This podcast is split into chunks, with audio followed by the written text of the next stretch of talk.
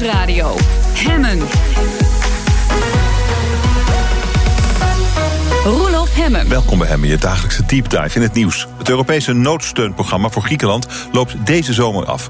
Eindelijk uit de financiële klem, zou je denken, maar reden voor een feestje is er niet. En ook vandaag zijn er weer massale protesten tegen weer nieuwe bezuinigingen. Bij mij is Zweden van Wijnbergen, hoogleraar economie aan de Universiteit van Amsterdam. Goedemiddag, mooi dat u bent.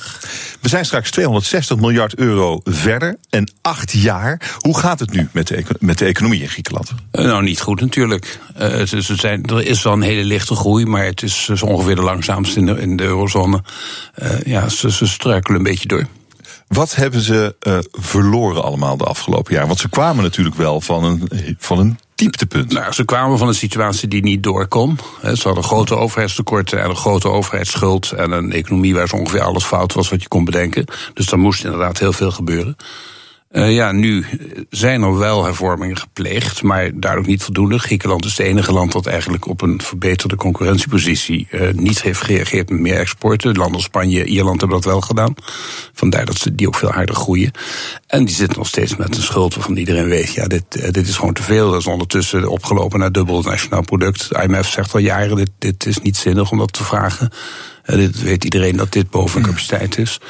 Maar ja, dat wil men in de eurozone in de, uh, niet toegeven. Ja, we noemen het noodsteun, een soort van hulp. Uh, maar het heeft het land uh, eigenlijk niet veel beter gemaakt. En vooral nee. de Grieken hebben er enorm veel last van. Daarom protesteren ze ook. Wat, heeft het, wat is het effect geweest van, nou, van die steun op, op, en die hervormingen op gewoon de Griek? Nou, tien jaar verloren groei. Uh, we hebben dit soort problemen eerder meegemaakt. Een jaar twintig geleden een flink aantal opkomende markten. Uh, daar werd dit eerst ook geprobeerd. Dat heette het Bekerplan. Dat het idee was, doe maar hervormingen en we blijven je wel financieren. En dan ga je vanzelf groeien en dan gaat het goed. En dat werkt duidelijk niet als die schuld te hoog is. Die groei komt niet, dat kwam daar ook niet. Tot ze op een gegeven moment de conclusie trokken. Nou, die hervormingen moeten wel, maar er moet ook schuldreductie komen. En dat is toen gedaan. En dat heeft overal groei hersteld. En uiteindelijk zelfs de crediteuren niet op achteruit doen gaan. Dus dat, dat had moeten gebeuren, maar dat wilden ze hier in Europa ja, niet onder ogen zien. Maar betaalt Griekenland iets terug dan? Nou ja, voorlopig betalen wij onszelf terug. Uh, kijk, wij lenen wat we vervolgens weer aan ons kunnen geven. Dat noem jij het eigenlijk een variant op zombiebanklending. Uh, dus, dus het, is, het is een beetje ja, luchtfietserij. Dit is gewoon te veel, dus dat gaat Griekenland natuurlijk niet betalen. Tenzij wij het ze geven, we nou het vervolgens weer terugkrijgen. Nou, dat, dat is natuurlijk geld rondpompen, maar dat doet niets. Ik heb meer dan twee maal het nationaal product. En we voorstellen zelf, nou nog niet twee keer zoveel als Italië, maar behoorlijk aan die kant op. En dat vinden we al veel te hoog ja, dat, dat voorspelt zoveel ellende in de toekomst dat niemand daar investeert en er ook geen groei komt. Dus dat verhaal van eruit groeien lukt ook niet. En dat is, het is gewoon een, ja, een enorme opeenstapeling van beleidsfouten in de eurozone. Dus uh, Europa en IMF wilden Griekenland helpen. Maar wat we gedaan hebben is van de regen de drup helpen eigenlijk. Ja, in feite wel. Het is geen echte oplossing geweest. En dit is eerder geprobeerd en is eerder mislukt. En ze hebben het toch gedaan. De IMF zegt het al jaren. De IMF zegt al jaren van nee, die schuld is domweg te hoog. En het is ook voor de crediteuren beter. Kijk, wat Griekenland terug gaat betalen heeft te maken met hoe hard ze gaan groeien. Dus de crediteuren hebben er ook belang bij dat Griekenland weer gaat groeien. Dan gaan ze ook meer terugbetalen. Uh, maar die, die, die, die, die enorme schuldenberg die blokkeert ook de groei en ook daarmee wat Griekenland terug kan betalen. Het is niet eens in het belang van de crediteuren. En dat is iets wat men hier, ook de financiënministers in Nederland, die er mee te maken hebben gehad, ja, die wilden dat gewoon niet zien. Waarom blijven we er dan toch mee doorgaan? Nou, voornamelijk, ik heb een aantal van die financiënministers gesproken hierover. En die zeggen telkens, ik kan dit niet aan mijn kiezers uitleggen. En dan zeggen ze, ja, maar als je nou aan je kiezers uitlegt... dat door de helft van de schuld vergeven ze uiteindelijk meer euro's terugkrijgen... ja, dat ja, nou ja, de horizon is nogal kort van die mensen. Die denken van, nou ja, we gaan er gewoon twee jaar mee doorrommelen... dan komt er een ander en dat is een probleem. En daar is Griekenland een beetje slachtoffer van geworden. Maar uiteindelijk ook wij als belastingbetalers. Want Griekenland gaat natuurlijk met lage groei minder terugbetalen. Dat betekent dat die ECB en dat steunfonds... die gaan onnodig grote verliezen leiden.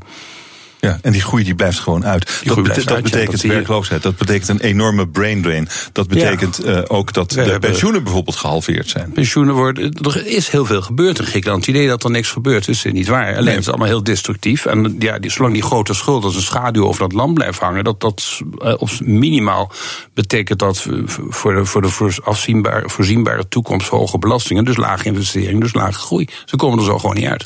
Maar het betekent sociaal gezien ook nogal wat. Een verloren generatie, zou je kunnen zeggen. Dat klopt. En wat je inderdaad ziet, ik bedoel, wij hebben eh, jonge Griekse assistenprofessoren gehuurd aan de, aan de UVA. De mensen met hoge opleidingen die vinden wel een weg buiten Griekenland.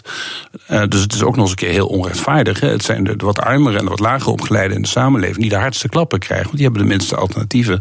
Nee, het is een, uh, gewoon een heel slecht aangepakt. En het is, ja, dat, de schuld ligt daar volledig bij de Europese minister van Financiën. Maar wat vindt u dan van de, de, de pensioenen gehalveerd de afgelopen jaren? En er, moet, er moet, en er moet nog meer af. Nou ja, dat is natuurlijk onzinnig. dat is allemaal omdat ze er niet uitgroeien. Maar het probleem is dat met die grote schuld uh, ze er ook niet uit zullen groeien. En nou ja, dan zijn ze in een soort zwart gat, een vicieuze cirkel. Er wordt steeds harder gesnoeid. Uh, daardoor heeft niemand meer geld om wat dan ook te doen. Er wordt niet geïnvesteerd, er komt er nog minder. En dan moet er nog meer gesnoeid worden. En zo draai je door naar nul. hoe lang pikken die Grieken dat nog? Nou, dat is een goede vraag. Best lang, om heel eerlijk te nou zijn. Ja, al acht jaar nu. Maar... Ja, nou ja, het, probleem, het, kijk, het alternatief is natuurlijk een hele lastige. Ze zitten in die eurozone. Nou, dat uh, eruit stappen, dat betekent dat die schuld... Ja, die is helemaal in euro's gedenomineerd. En ja, aangezien nog steeds allemaal nog niet goed loopt in Griekenland... zou een, een drachme zou onmiddellijk kelderen. Dus die schuld in verhouding tot het nationaal product... die schiet omhoog. Het eerste wat er gebeurt, ze uit de eurozone gaan. Nou ja, dit is allemaal slachtoffer van economisch onbegrip uh, in Brussel en, en, Frankfurt. Of althans politiek opportunisme. Uh, de ene minister de andere. U kunt alle Nederlandse financiënministers, de huidige niet, maar de vorige hebben allemaal gezegd van ja, ik kan het mijn kiezer niet uitleggen. Ondanks het feit dat het slecht is voor de kiezer wat ze gedaan hebben.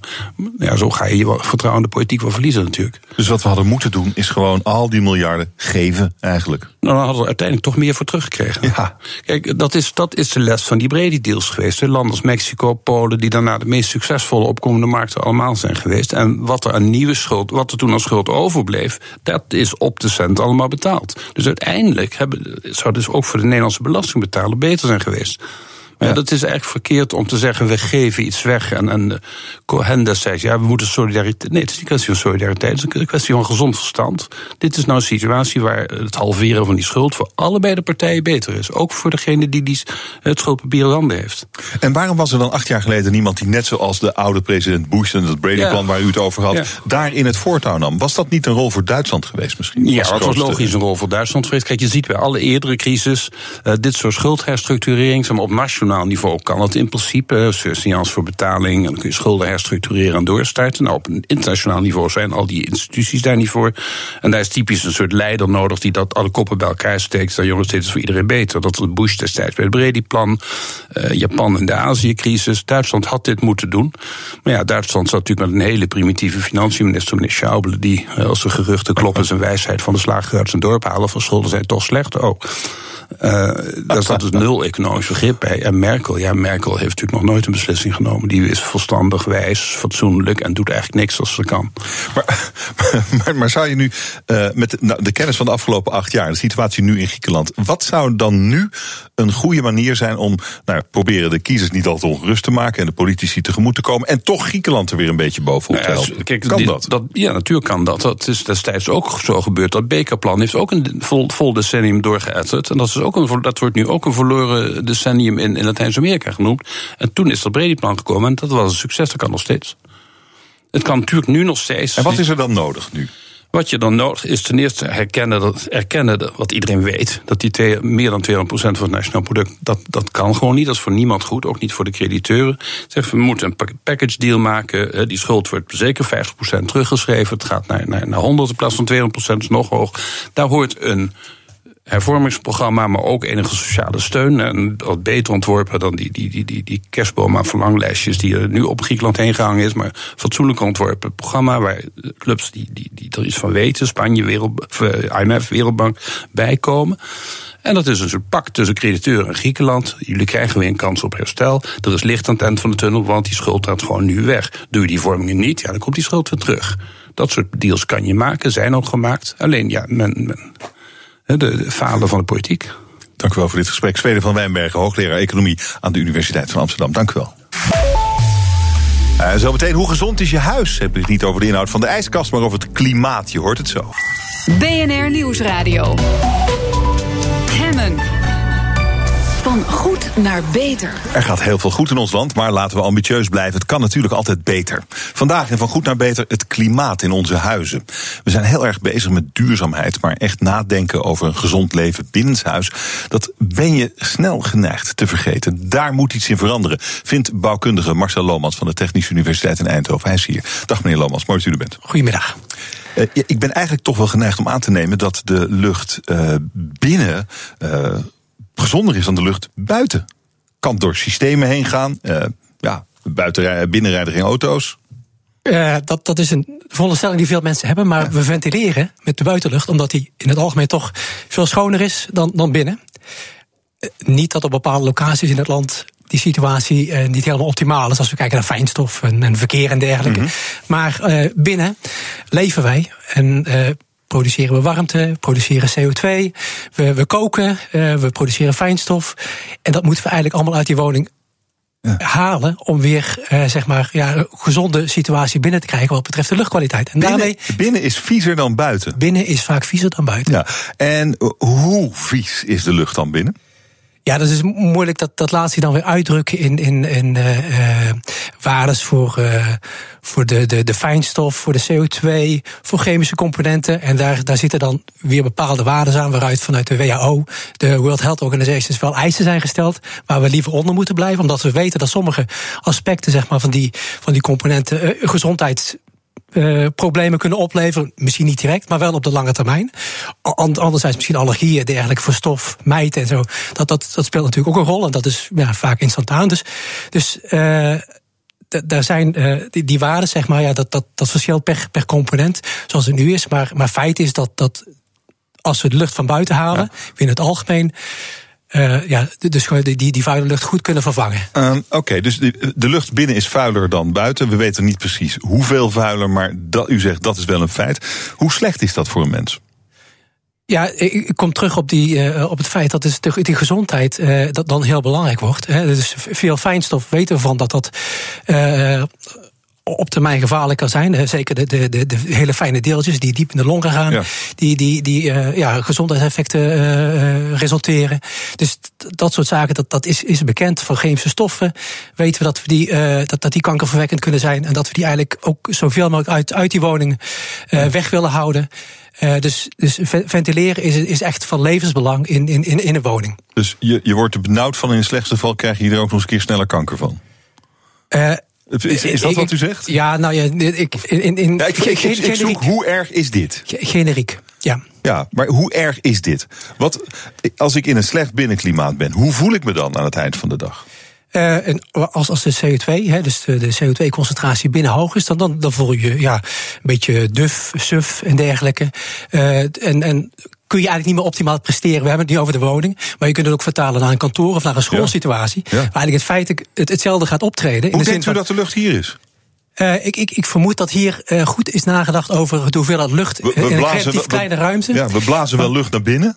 En, en we zuigen af. Zou het genoeg zijn? Oh ja, heeft ja. u al gezien. We ja. zuigen ook af. Dus, ja. uh, dus, en ik denk dat in deze situatie goed is nagedacht over, over voldoende lucht. Oh, Dat het hier niet te warm wordt. En, en, en dat is belangrijker waarschijnlijk dan, dan de luchtkwaliteit. Uh, maar we onderschatten dus het belang van het binnenklimaat in onze wo- woningen, in onze kantoren. Um, is, het, uh, is het wel goed te regelen, een goed binnenklimaat? Kan je dat gewoon uh, voor elkaar krijgen als je dat wil? Dat, dat kun je voor elkaar krijgen als je daar goed vanaf het begin over nadenkt. En dat is denk ik ook een beetje het probleem waarom ik graag zeg maar, ook hier sta. Is dat die bewustwording, dat, dat je daar goed over moet nadenken. Dat, dat dat vanaf het begin eigenlijk aanwezig moet zijn. En als je een gebouw of een woning gebruikt, dat je ook daar bewust mee om moet gaan. En het feit is nu dat we heel veel aandacht besteden aan energie, energiezuinigheid. Maar wat we daarmee doen is eigenlijk al die gebouwen als een thermosfles gaan maken. Af, uh, afschermen van de buitenomgeving. Mhm. En vervolgens leven we in die woningen, in die in kantoren. En produceren we uh, zaken, chemische componenten, warmte, CO2. En, en we weten niet goed zeg maar, hoe, hoe dat dan weer, uh, hoe we dat goed moeten afvoeren. En, en, en dat is iets waar we, ja, wat, wat, wat gewoon belangrijk is om te onderkennen. Want waarvoor gebruiken we energie in gebouwen? Om een goed binnenklimaat te creëren. Dus als we dat binnenklimaat niet goed creëren... en, en onderzoek aan de. TU Eindhoven en ook uh, legio onderzoek wereldwijd... geeft gewoon aan dat we eigenlijk heel veel gebouwen niet goed functioneren wat betreft binnenklimaat. En dat heeft weer gezond, uh, uh, gevolgen voor die gezondheid. Maar wat moet je doen om het beter te maken dan? Dus goede ventilatie, Ja. Goede filters, goed onderhoud. eh, Filters, goed- heb je filters nodig? Filters heb je nodig, zeker als je, als je op een locatie Aha. zit, zoals hier, met, met af- veel ja. verkeer zeg maar, omgeving. Dan moet je zeg maar, die, die fijnstof afvangen en, en dergelijke. Dus, de- en dan moet je dan weer goed onderhouden. Dat geldt ook, ook voor woningen. Als je daar mechanische ventilatie in hebt, zorg dat je dat onderhoudt. Dat je de roosters schoonmaakt, dat je je filters vervangt. En dergelijke. Dat, dat zijn gewoon wezenlijke onderdelen van, van een, Hm. het gebruik van een woning. En hè, er wordt ja, vaak wel is gekscherend genoemd. Als je een auto koopt, dan krijg je een, eh, een hele dikke handleiding hoe die auto werkt. Ja, en een pollenfilter. Ah, En als je, als je een woning eh, zeg maar koopt, dan, ja, dan krijg je de, de sleutel van de voordeur. Ja, ja, ja. Dan mag je, ja. Oké, en we gaan straks al die huizen natuurlijk. we, we hebben te maken met de energietransitie. De huizen moeten beter geïsoleerd worden. Er wordt veel duurzamer gebouwd. En u zegt dat is eigenlijk link voor het binnenklimaat. Want we maken die huizen potdicht. Ja. Doen we nog steeds. We snappen het nog steeds niet, blijkbaar. Eh, we, we hebben denk ik nog niet geleerd van de kierenjacht uit de jaren 70. Wat dat voor problemen opleverde ten aanzien van volk en dergelijke. Kierenjacht? De kierenjacht uit de jaren 70 was eigenlijk de eerste ja. stap om, om ook een beetje Oh, energiezuiniger te worden in, in de woningen. Maar het probleem daarvan was dat men niet nadacht over die ventilatie. Want we produceren ook vocht. En zo werden die woningen heel vochtig en ontstond er schimmels en dergelijke. En dat probleem. Dat, dat, is, is, met, met- dat is niet meer. dat is met, met die nieuwe woningen en met goede isolatie.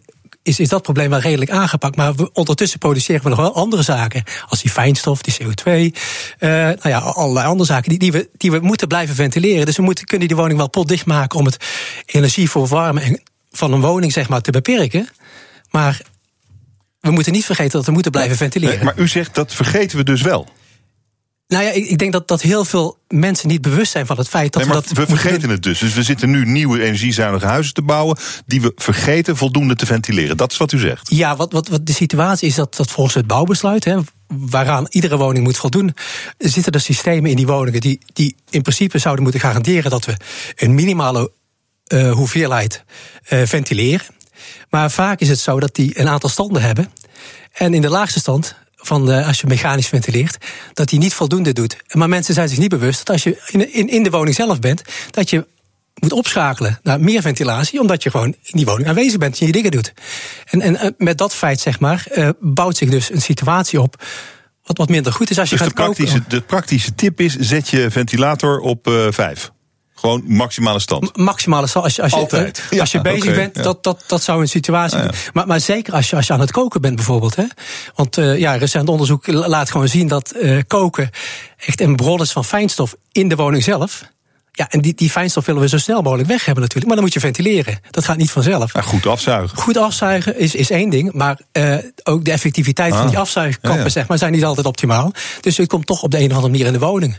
En je moet eigenlijk ook gewoon zorgen dat je andere bronnen moet beperken. hè. Ja, roken in een woning is eigenlijk. Ja, moet, moet je eigenlijk niet doen. Een open haard, een open haard is, is iets wat jij ook denkt van ja. eh, dat soort zaken, daar moet je eigenlijk bewust over nadenken. Moet je dat willen als je een gezond binnenklimaat Op wil? haard ook maar niet doen.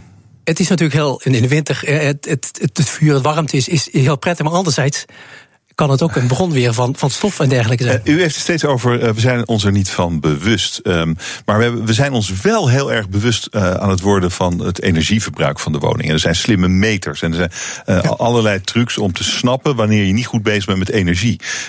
Hoe ingewikkeld is het om gewoon een binnenklimaatmeter aan, aan je muur te hangen? Kan dat zijn die Eh, nou, dus op zich, het, het voorbeeld van de energie is, is denk ik heel mooi. Want dat, dat kunnen we inderdaad aflezen aan de meter. Ja, het laten we ja. direct vertalen in euro's. Dus je ziet meteen, oké, dit kost me zoveel. Het binnenklimaat is in die zin wat, wat complexer. Maar er zijn zeker sensoren die je kunt plaatsen in de woning. Een temperatuur- en een RV-sensor zou ik eigenlijk sowieso aanraden om die op een paar plekken neer te zetten. Om een, Een beetje een idee te, re- relatieve vochtigheid. Ah. Sorry. eh, eh, om, om, om, om die te meten en een beetje een idee te krijgen van hoe, hoe de condities zijn in, een woning. En als je kijkt naar fijnstof en, en CO2, daar zijn ook sensoren wel voor beschikbaar. Die, die zijn wat prijziger en ook de. Ja, de, de, de kost dat dan? de, eh, nou, dat, dat ligt dan als je een goede sensor wilt al, al snel boven de, de 100 euro.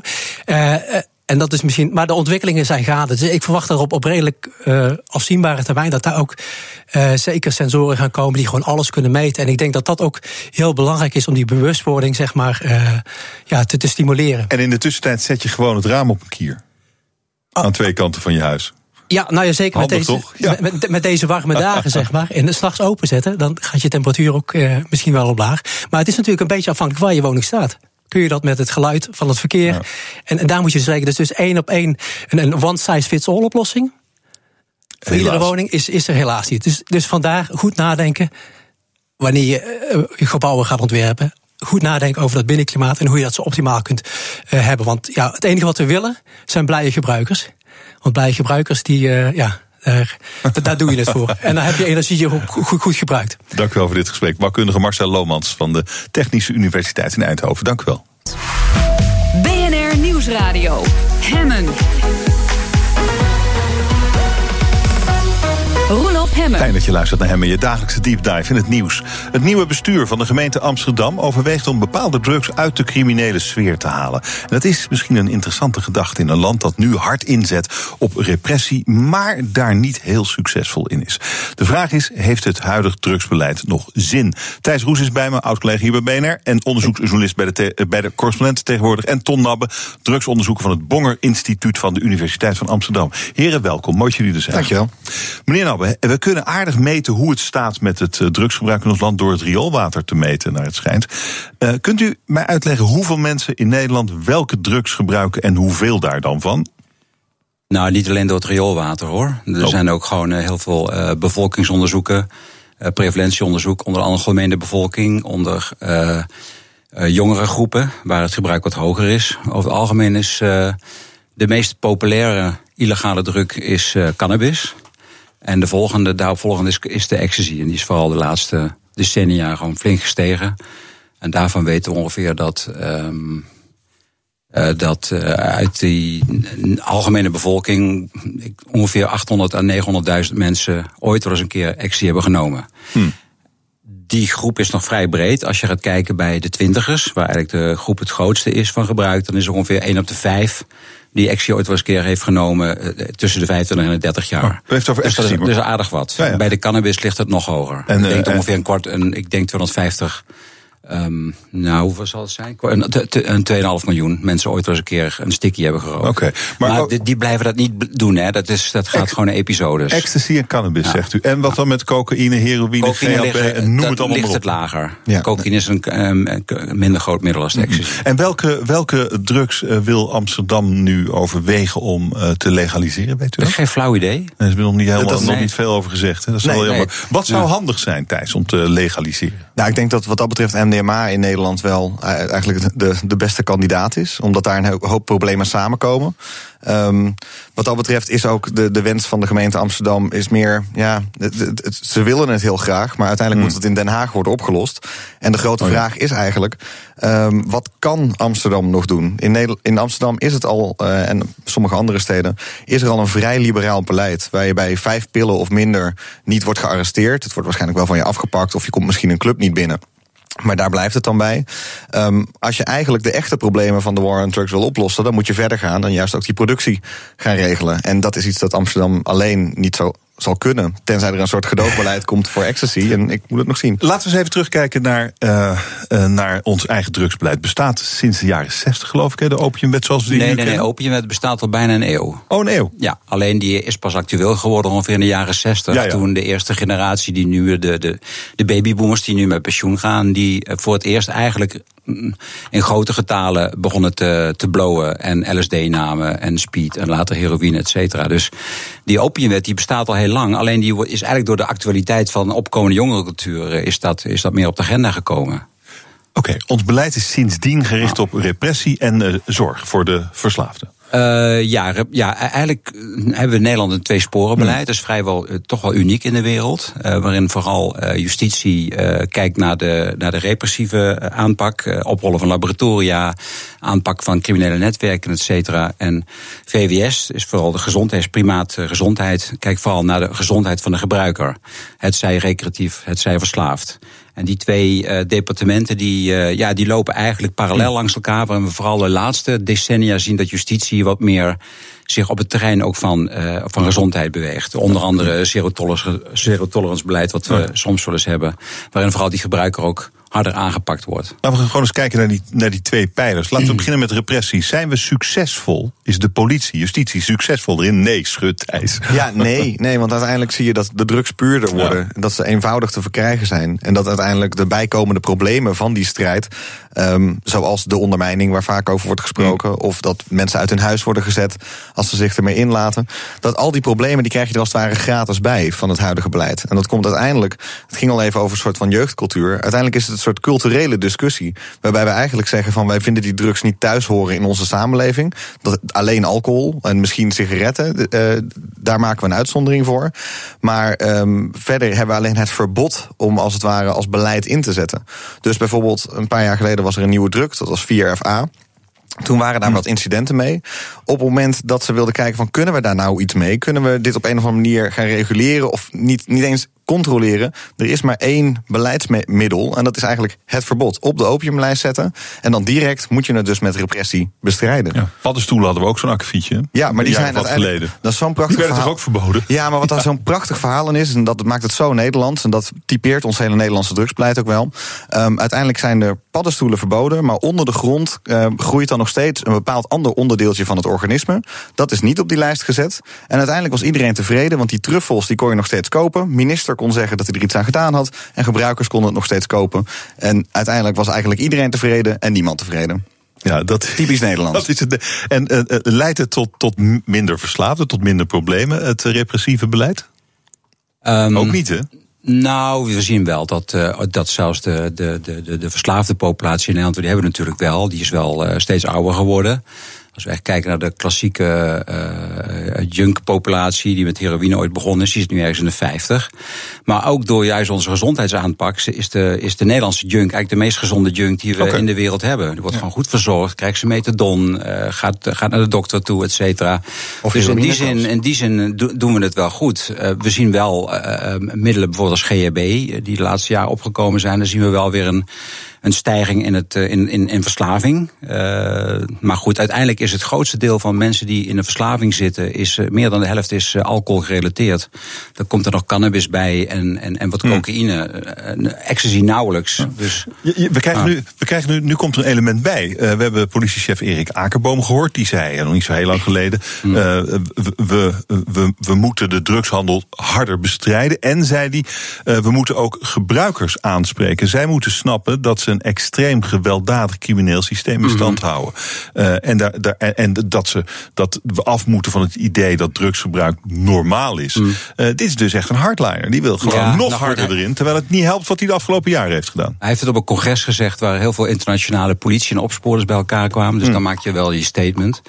Uiteindelijk, ja, uh, uiteindelijk middelen staan allemaal op de, op de opiumwet. En ook in de internationale verdragen. En ook politie en justitie overal heeft gewoon zijn inspanningsverplichtingen. Wat ik wel interessant vind, is dat hij een moreel appel doet op, uh, op gebruikers. Dat vond ik voor zich wel, wel aardig dat ze dat proberen. Maar uiteindelijk moet je niet vergeten dat uiteindelijk door het, door het verbieden van middelen, dat ze eigenlijk een, een, een, zelf een, een gedrocht hebben gecreëerd. Niet zozeer de politie als wel beleidsmakers die gewoon waar de strijd nooit van te winnen valt. Ja, en vervolgens vragen ze eigenlijk aan de gebruiker van hou er alsjeblieft mee op. ja. Maar bijvoorbeeld, daarom is MDMA zo'n goed voorbeeld. Als je de cijfers van uh, extreme sports, van bijvoorbeeld skiën of uh, windsurfen en de slachtoffers die daarbij vallen, uh, tegenover MDMA zet, dan is dat heel erg vergelijkbaar met elkaar. Dan hebben we het niet over een soort van radicaal veel groter probleem. Maar dat bestrijden we dus ook niet met een politieapparaat. Maar en dat maakt het zo apart. Maar ik moet dan toch steeds, misschien, ja, misschien moet ik dan steeds toch aan te ouderwetse drugs denken. Als, zoals uh, cocaïne en ja. heroïne is, geloof ik wel. Nou ja, dat zijn. Maar dat, dat, is, dat zijn toch wel gewoon hele gevaarlijke dingen. GHB toch ook? Ja, de meeste mensen die cocaïne gebruiken raken niet verslaafd. Dus uiteindelijk weten we ook dat zelf bij een, een, een middel als cocaïne wat verslavender is dat weten we wel uit onderzoeken dan MDMA bijvoorbeeld. Mm -mm. Zien we dat eigenlijk maar een heel klein deel in de problemen komt. Het merendeel uh, ja, neemt dat een paar keer, groeit eroverheen, raakt niet in de problemen en heeft het gewoon uh, wel eens een keer als lifestyle-middel uh, gebruikt. 10, 20 procent of zo, hè? Ja, zoiets ongeveer. Dat maar, wat, wat maar, vrij hoog maar, is. Maar zouden jullie dan niet kunnen zeggen dat we eigenlijk, zoals je het zo hoor hebben, eigenlijk best wel een aardig drugsbeleid? Repressie doet het niet helemaal, het kost wat nou geld en zo. Verslavingszorg is goed. Nederland is een soort laboratorium voor drugsbeleid. En wat, wat je zo goed kan zien hier is welke dingen werken en welke dingen niet werken. En wat werkt wel, uh, dat is um, niet, commercialiseren, niet commercialiseren en op een of andere manier beschikbaar maken. En wat niet werkt is inderdaad repressie. En we hebben allerlei, bij elke soort druk allerlei verschillende soorten methodes uitgeprobeerd. Dat gedoogbeleid is natuurlijk ook een soort tweesporenbeleid. Hmm. En daarom zijn we nog steeds een voorloper in de wereld. Maar inmiddels zijn we ook op sommige punten weer aan het achterlopen. In vergelijking met bijvoorbeeld de Verenigde Staten, waar ze cannabis legaliseren. Ja, maar de, maar de, de, de pest van drugshandel is natuurlijk dat er verschrikkelijk veel geld in omgaat en criminaliteit uh, zich doorlopend voordoet. Dat Ook is de war on drugs. gewelddadig. Dat, dat, is de war on is-. Daar valt Dus- aan te verdienen. Ik Ja. bedoel, Ja. een, een, een, een kilo cocaïne is in de productie in het bronland iets van 500 euro. Het moment dat het, of nou, sorry, 2000 euro ongeveer. Op het moment dat het hier binnenkomt, is het gewoon vertien, vertwintigvoudigd. Dus Ik hoorde zit laatst een dat, enorme het- dat, het goedkoper aan het worden is. een Ja, maar dan nog. cocaïne. Een kiloprijs cocaïne momenteel is 25.000 euro. En dan nog zit er een hele hoge winstmarge op. En Ja. iedereen in die keten die verdient daar natuurlijk op. Ja. Dat maakt het daarom zo aantrekkelijk, die handel. Maar je moet wel oppassen dat je dus de problemen van het verbod zelf dan dus niet eh, alleen op die drugs projecteert. Want het is uiteindelijk dat verbod dat ervoor zorgt dat al dat geld naar criminelen gaat. Ja. En dus niet naar de belastingbetaler bijvoorbeeld. Nou, laten we het ons eens voorstellen. Amsterdam, een stad waar drugs gewoon mogen. Hoe zou die stad er dan uitzien? Zometeen. BNR Nieuwsradio. Wat als we drugs vrijgeven, zoals het nieuwe bestuur van Amsterdam lijkt te overwegen? Ik spreek erover met Thijs Roes, hij is onderzoeksjournalist bij de correspondent. En Ton Nab is hier van het Bonger Instituut van de Universiteit van Amsterdam. Ehm, laten we naar Amsterdam gaan kijken. Eh, stel je voor dat ze inderdaad drugs gaan vrijgeven. Eh, M, eh, M, M, MDMA had je, zei je al, ik, ja, ik ben niet helemaal thuis. Eh, zei je, Thijs, wat nog meer? Eh, je zou eh, wat dat betreft ook naar, over een anoniem loket voor cocaïne kunnen, kunnen nadenken. Er zijn wat dat betreft Een allerlei... anoniem lo- loket voor cocaïne? Eh, Ja. Leg even uit.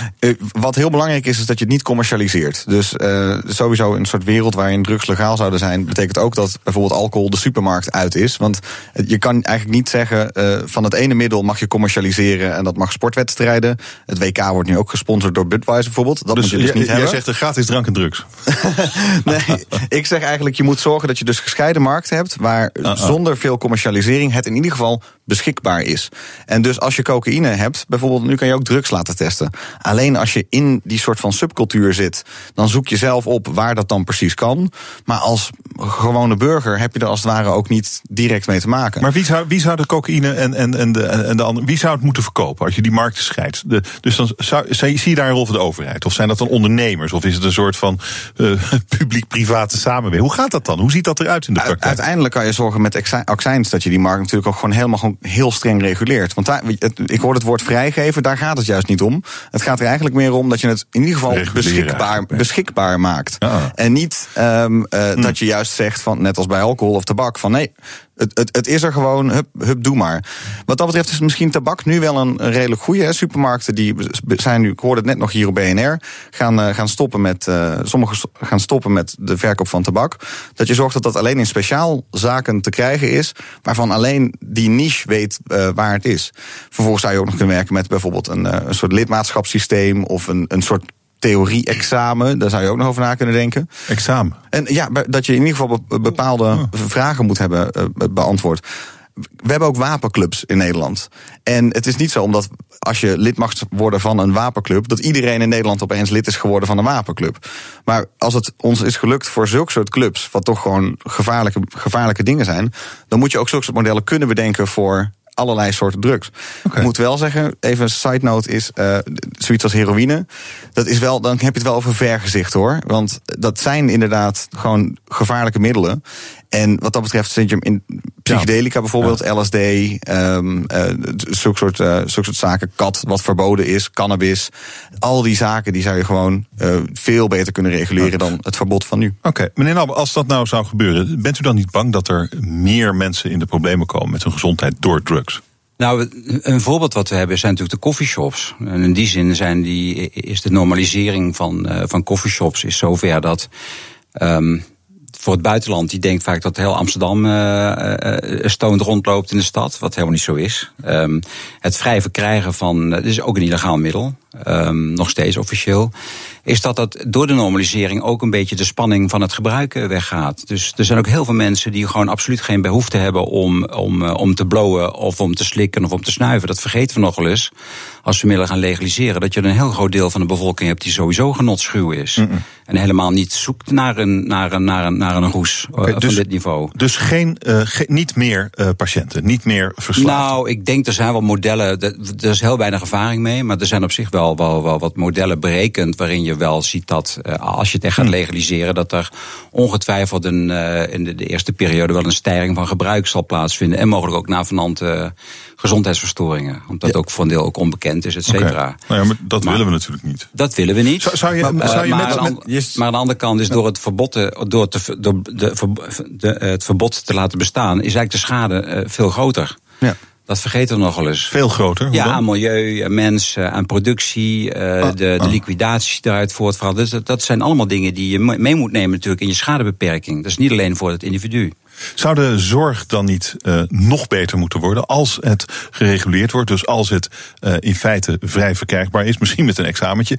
Zou de zorg niet ook beter moeten zijn, echt maximaal goed moeten zijn voor mensen die dan toch nog in de problemen komen? Die is al heel ja, goed die is, in. Die is al, daar is niets daar wordt al heel veel in geïnvesteerd. Ja, ja, ja. ja. Briljant nou, dus, in Nederland soms. Ja, ja, ja. ja niet, niet altijd. Het gaat natuurlijk nog heel vaak mis. Dat hebben mensen natuurlijk in hun omgeving ja. al gezien. Maar het, dus het zorgniveau is goed. Okay, je, je ziet het wel hoor. Even, wat je ziet Mhm. is, uh, bijvoorbeeld in Colorado toen cannabis is gelegaliseerd. Wat je ziet is, nou, een hoop mensen proberen het dan maar eens een, even een keertje. Uh, en de jeugd kan er moeilijker aankomen. Dus het uh, gebruik onder de jeugd is toen gedaald. En dat zijn, dat zijn toch wel kleine briljante dingen. Dat als je het legaliseert, dat het jeugdgebruik opeens omlaag ging. Oké, okay, dus tot zover hebben wij te maken met een goed plan eigenlijk. Het reguleren, het min of meer vrijgeven van, mm -hmm. uh, van drugs. Um, zijn we dan ook criminaliteit kwijt?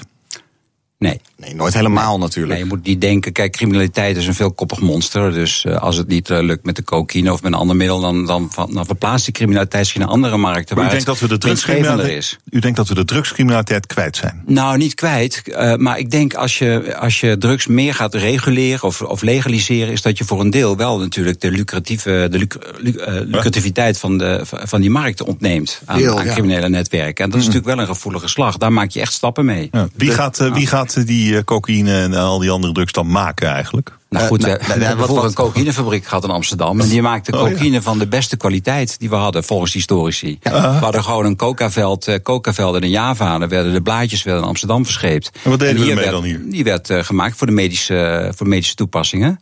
was een geneesmiddel ooit. Ja, ja. En het zit nog steeds in- in Coca-Cola, hè, daar zit, er, zit een coca-extract. Die, er zijn gewoon coca-boeren in eh, Zuid-Amerika. Die coca-blaadjes die gaan naar de Verenigde Staten. Daar wordt de cocaïne uitgehaald voor de medische markt. En de coca-blaadjes gaan vervolgens naar Coca-Cola, letterlijk, tot op de dag van vandaag. Eh, het- die, die cocaïne die kan je ook op dat moment gewoon eh, eh, recreatief, zullen we maar zeggen, verkopen.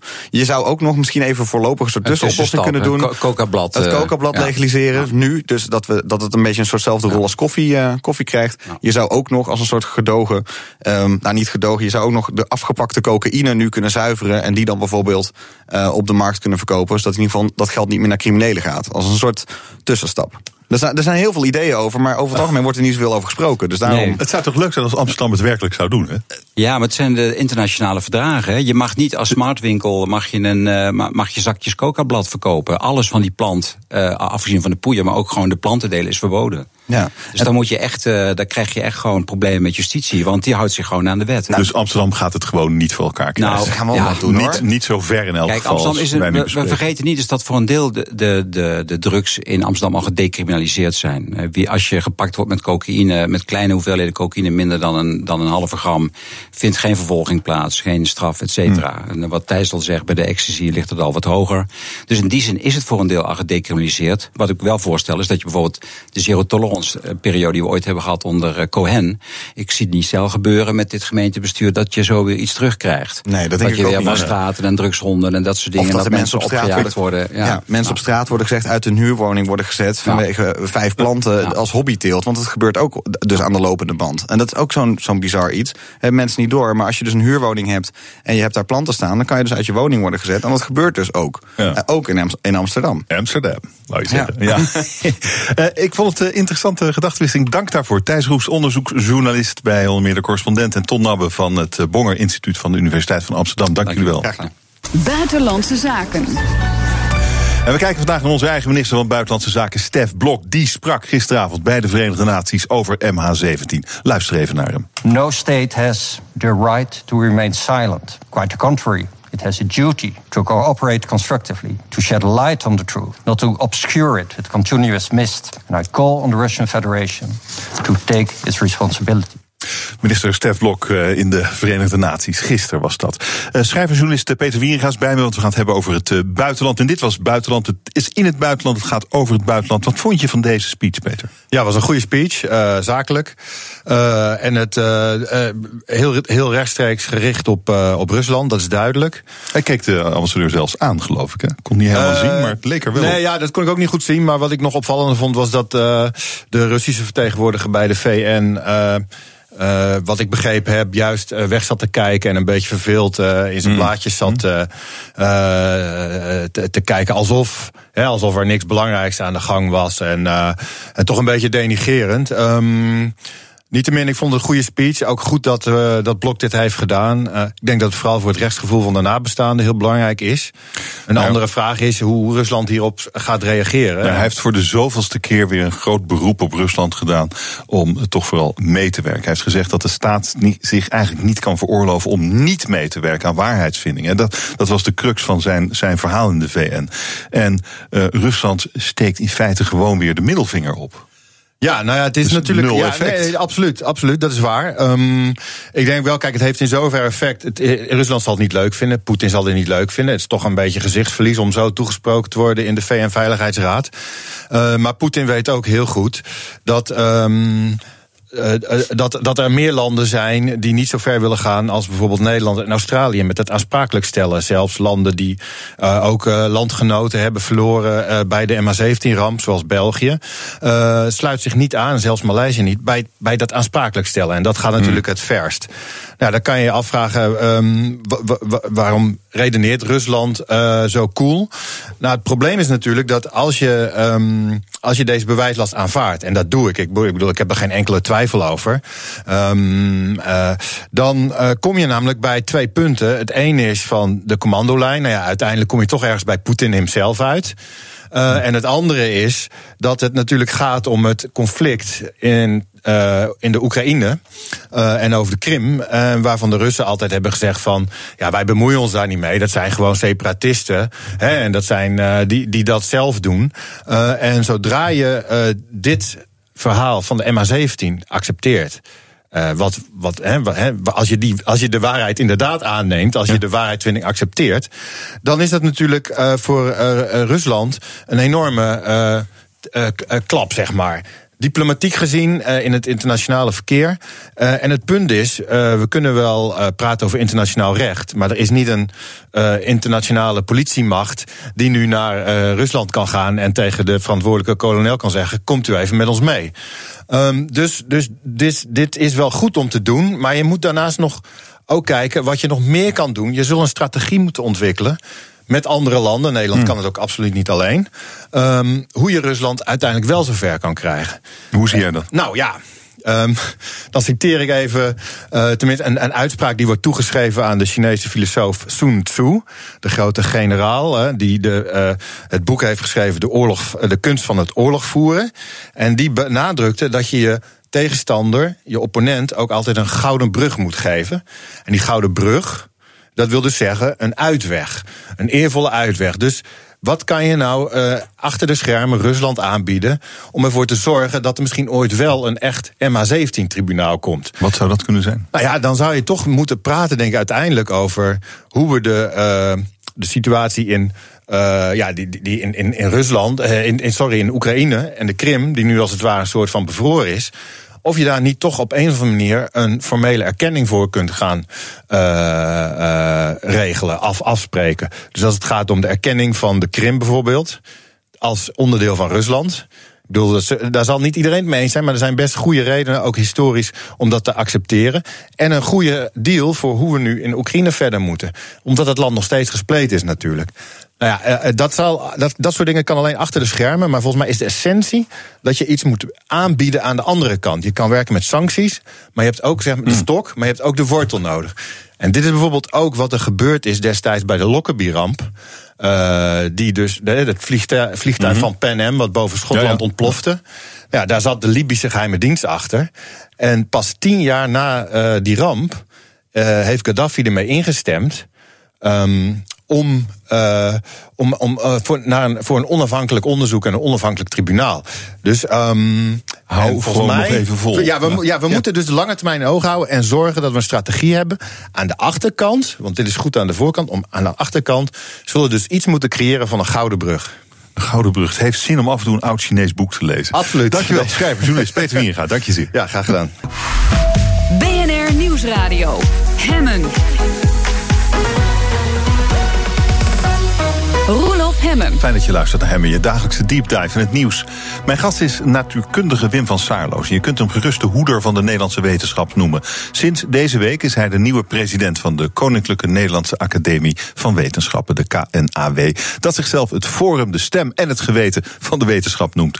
Meneer van Saarloos, welkom. Mooi dat u bent.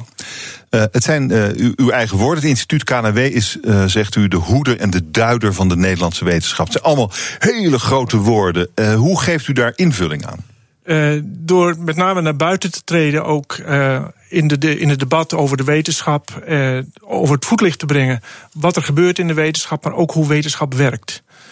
Uh, we zijn daarnaast natuurlijk ook in Den Haag in betrokken. Als we naar het ministerie gaan of in de kenniscoalitie, zoals dat heet, is nog ook weer een groot woord. Maar dat is het samenwerkingsverband met de universiteiten, met de hogescholen en dergelijke, waarin je ook betrokken bent bij de bespreking van plannen voor de toekomst. Ja, de KNW is niet zomaar een, een clubje. Dat zijn de beste wetenschappers van ons land. Ons land. Daar moet je ook, daar kan je niet zomaar inkomen. Hè? Nee, precies. Het is een verkiezing uh, ja. van de beste wetenschappers ja. in het land, inderdaad. Ja.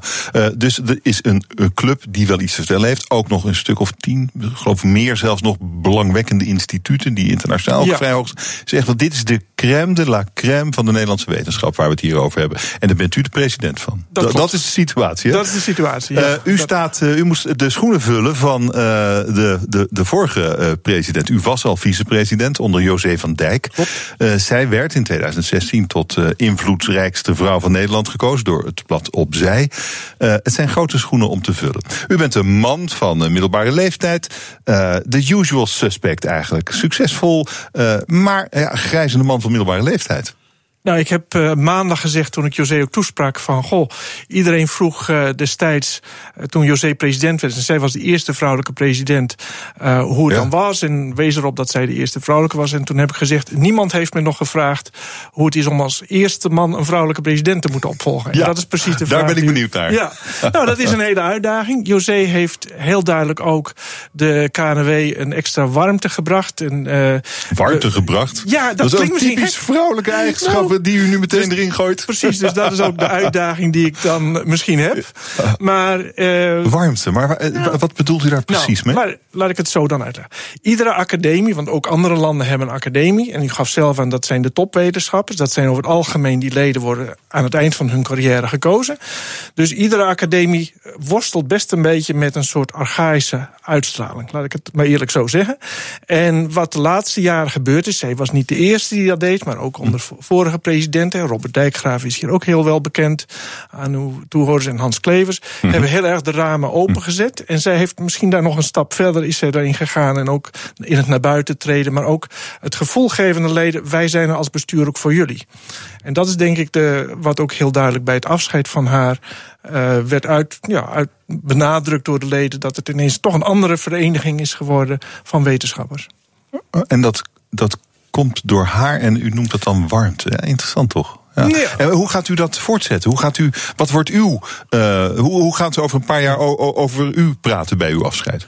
Nou, ik, hoopt u, hoopt u.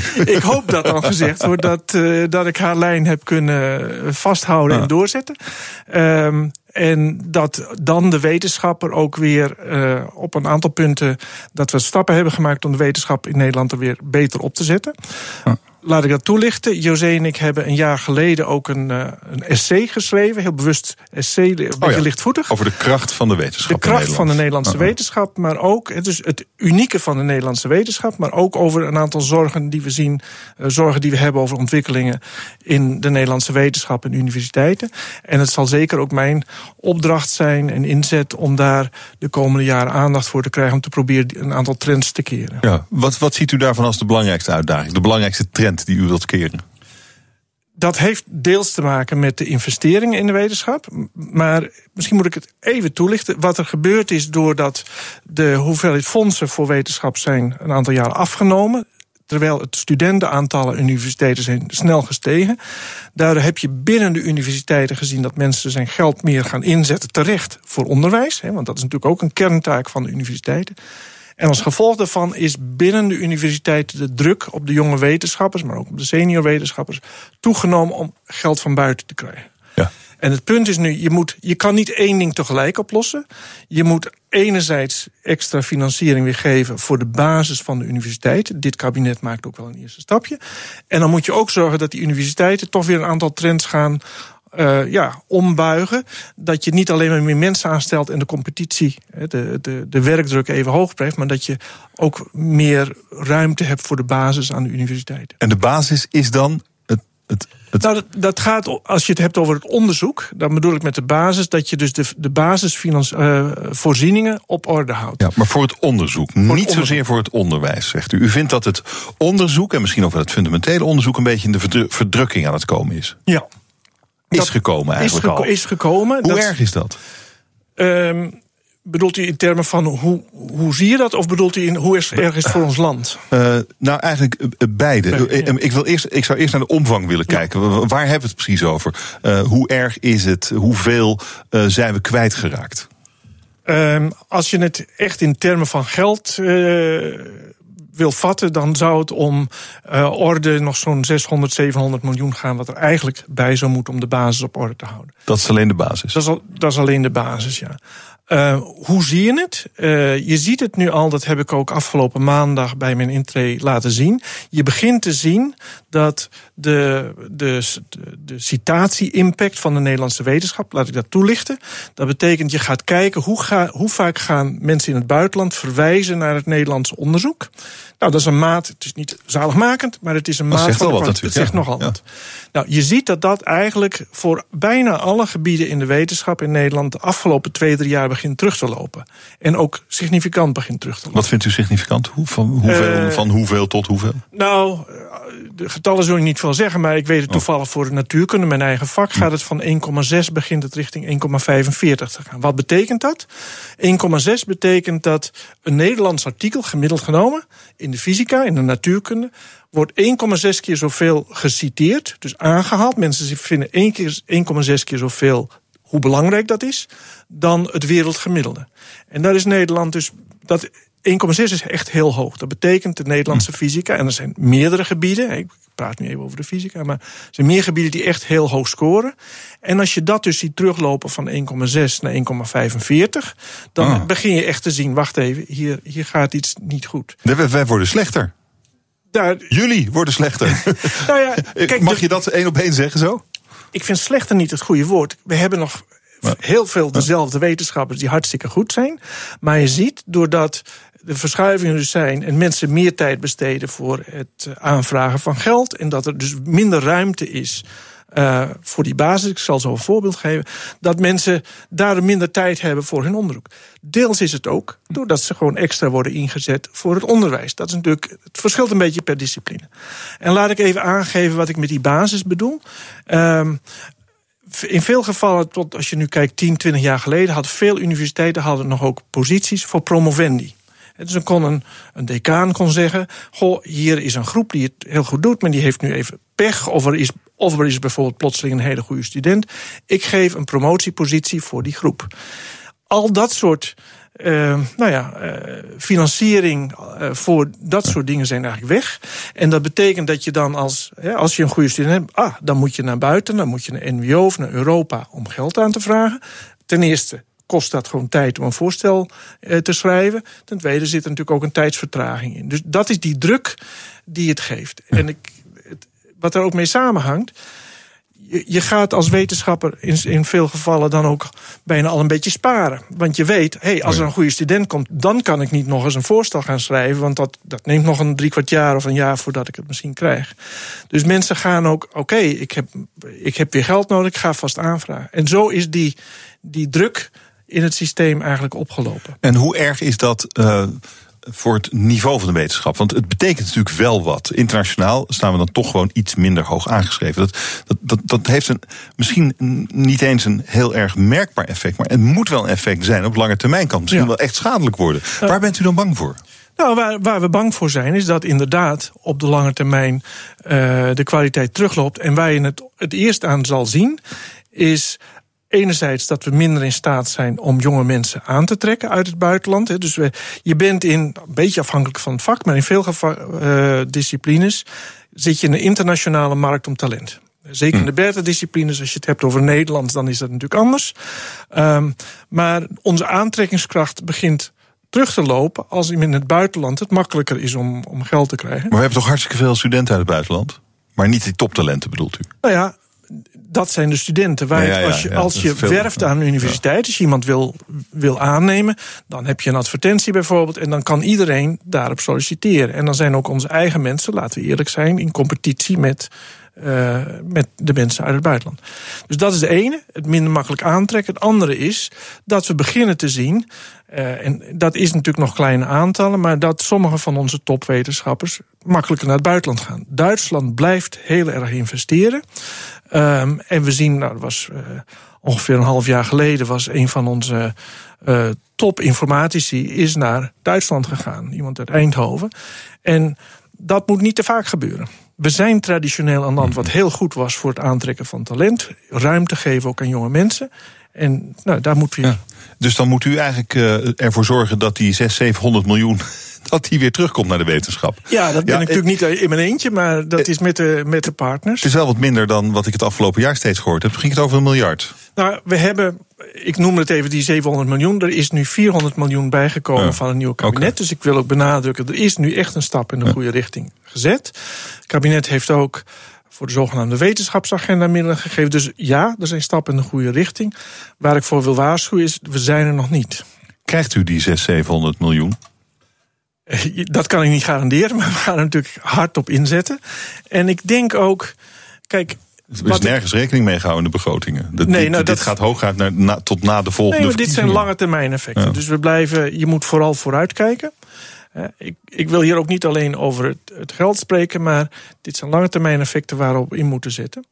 En uh, ik denk dat het, het zal mijn rol ook zijn en om te benadrukken. Het gaat niet alleen om de wetenschap aan zich, dus op zichzelf. En zie het ook niet als een hobby van de wetenschappers. Het heeft ook voor de Nederlandse kenniseconomie enorme uh, effecten.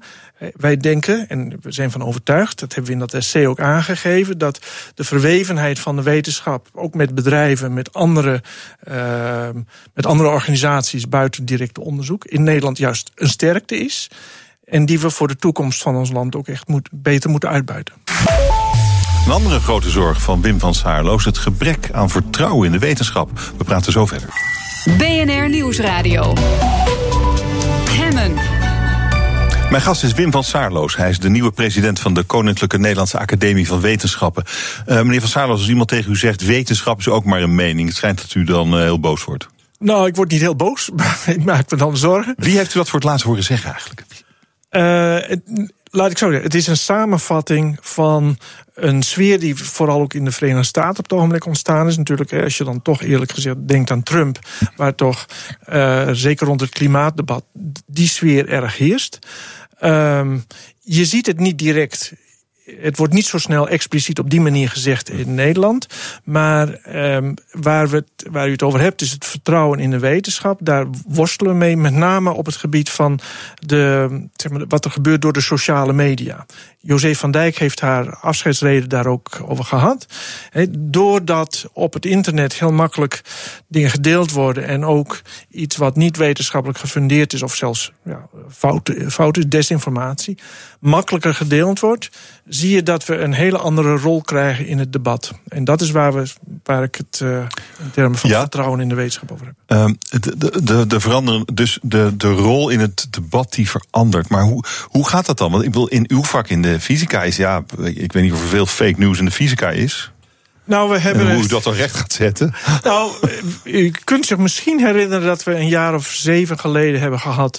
Uh, deeltjes sneller dan licht, zogenaamd. Dat was even, dacht men op CERN oh ja. een fonds te hebben. Maar dat bleek eigenlijk eerlijk gezegd waren al heel snel veel fysici die zeiden nou dat kan bijna niet. En een aantal fysici uh, hadden vrij gauw laten zien dat er allerlei gekke ondenkbare consequenties van zouden zijn. Dat was in een, als ik me goed herinner, een maand of twee, drie uitgezocht dat dat dus ergens een kabel zat die, eh, die los zat in de meting. Dus ja, het komt daar minder voor in de, in de fysica. Maar. Um... Dit is toch iets van de psychologie. We kennen allemaal het verhaal van eh, Diederik Stapel, de geesteswetenschappen. Misschien de geschiedenis, recht, economie. Dat, dat gaat toch heel vaak. Het is wetenschap, maar het zijn vaak toch ook gewoon meningen. En soms zelfs in het geval van Stapel uh, bedrog, fraude. Ja, laten we eerst even met Stapel beginnen. Dat is echt een geval van fraude. Nou, dat is natuurlijk echt iets wat we aan alle kanten moeten zorgen dat, we, dat dat wordt tegengegaan. Ook daar zijn we weer met onze partners heel duidelijk bewust bezig met een, de ethische code voor wetenschappers. Maar eigenlijk, is die er nog niet? Nou, er is al wel een. We zijn aan een herziening bezig, oh, moet ik zeggen. Wat komt daarin te staan dan? Uh, nou, daar staan, dat vind ik eigenlijk heel mooi. De nieuwe code uh, is niet alleen maar wat niet zozeer wat fout is, maar zegt ook de normen hoe je zou moeten werken. Dus het is dus eigenlijk een, een, uh, meer een normatief kader voor hoe je als wetenschapper moet merken. Nou, dat oh. betekent je data goed uitleggen, toegankelijk maken, aangeven hoe je de dingen gemeten hebt, goede verslaglegging, ook geen datapunten weglaten, al dat soort dingen zodat een andere wetenschapper het nog een keer kan doen. Kijken of hij het goed gedaan heeft. Maar dat gebeurt vrij weinig, toch? Nou, dat verschilt per vakgebied. Uh, mijn eigen vak, de natuurkunde weer even, is het natuurlijk heel gebruikelijk dat hm. een andere groep uh, een, een, uh, een, vergelijkbare experimentele opstelling maakt. Verschilt altijd enigszins. Maar daar zit dus eigenlijk die checks en balances heel erg ingebakken. daar gebeurt het ook wel eens dat er een, een experiment of een interpretatie, een, een, aantal datapunten uiteindelijk fout leken, maar dat het uiteindelijk gecorrigeerd wordt. Hm. Um, nou, ik kan daar straks nog wel even iets over zeggen. Er zijn andere vakgebieden waar dat inderdaad veel minder is. Als je dus hebt de psychologie of uh, de, de medische wetenschappen, waar, dan heb je het vaak over empirisch onderzoek. Aan de hand van cohorten wordt dat genoemd. Noem het maar even groepen individuen. De, en dan heb je vaak veel minder data. Dan kan je ook veel minder makkelijk sturen hoeveel data je krijgt. Een fysicus kan langer meten veel makkelijker of kan een, een, een, groter sample maken of iets dergelijks. Dat is daar lastig. En daar is het inderdaad zo dat um, de afgelopen jaren toch gebleken is dat er te veel onderzoek wat bij nadere analyse uh, niet juist blijkt te zijn. En daar, dat is iets, waar zijn we als KNW ook al uh, mee bezig. We hebben dit voorjaar een rapport uitgebracht dat heet het dure woord is repliceren, maar denk nooit maar nadoen van het onderzoek. Een onderzoek opnieuw doen. Het belang daarvan is, is daarin dat rapport ook vooral voor de medische wetenschap uitgezet. Maar gaan die, ja, die, die, die, die, wetenschappers waar we, waar we het over hebben, dus, dus ja, nou ja. Gaan die dan opeens dat allemaal totaal anders doen? Nou, dit zijn natuurlijk zeg maar, trends die je eh, eh, van de een of andere dag eh, niet zomaar veranderen.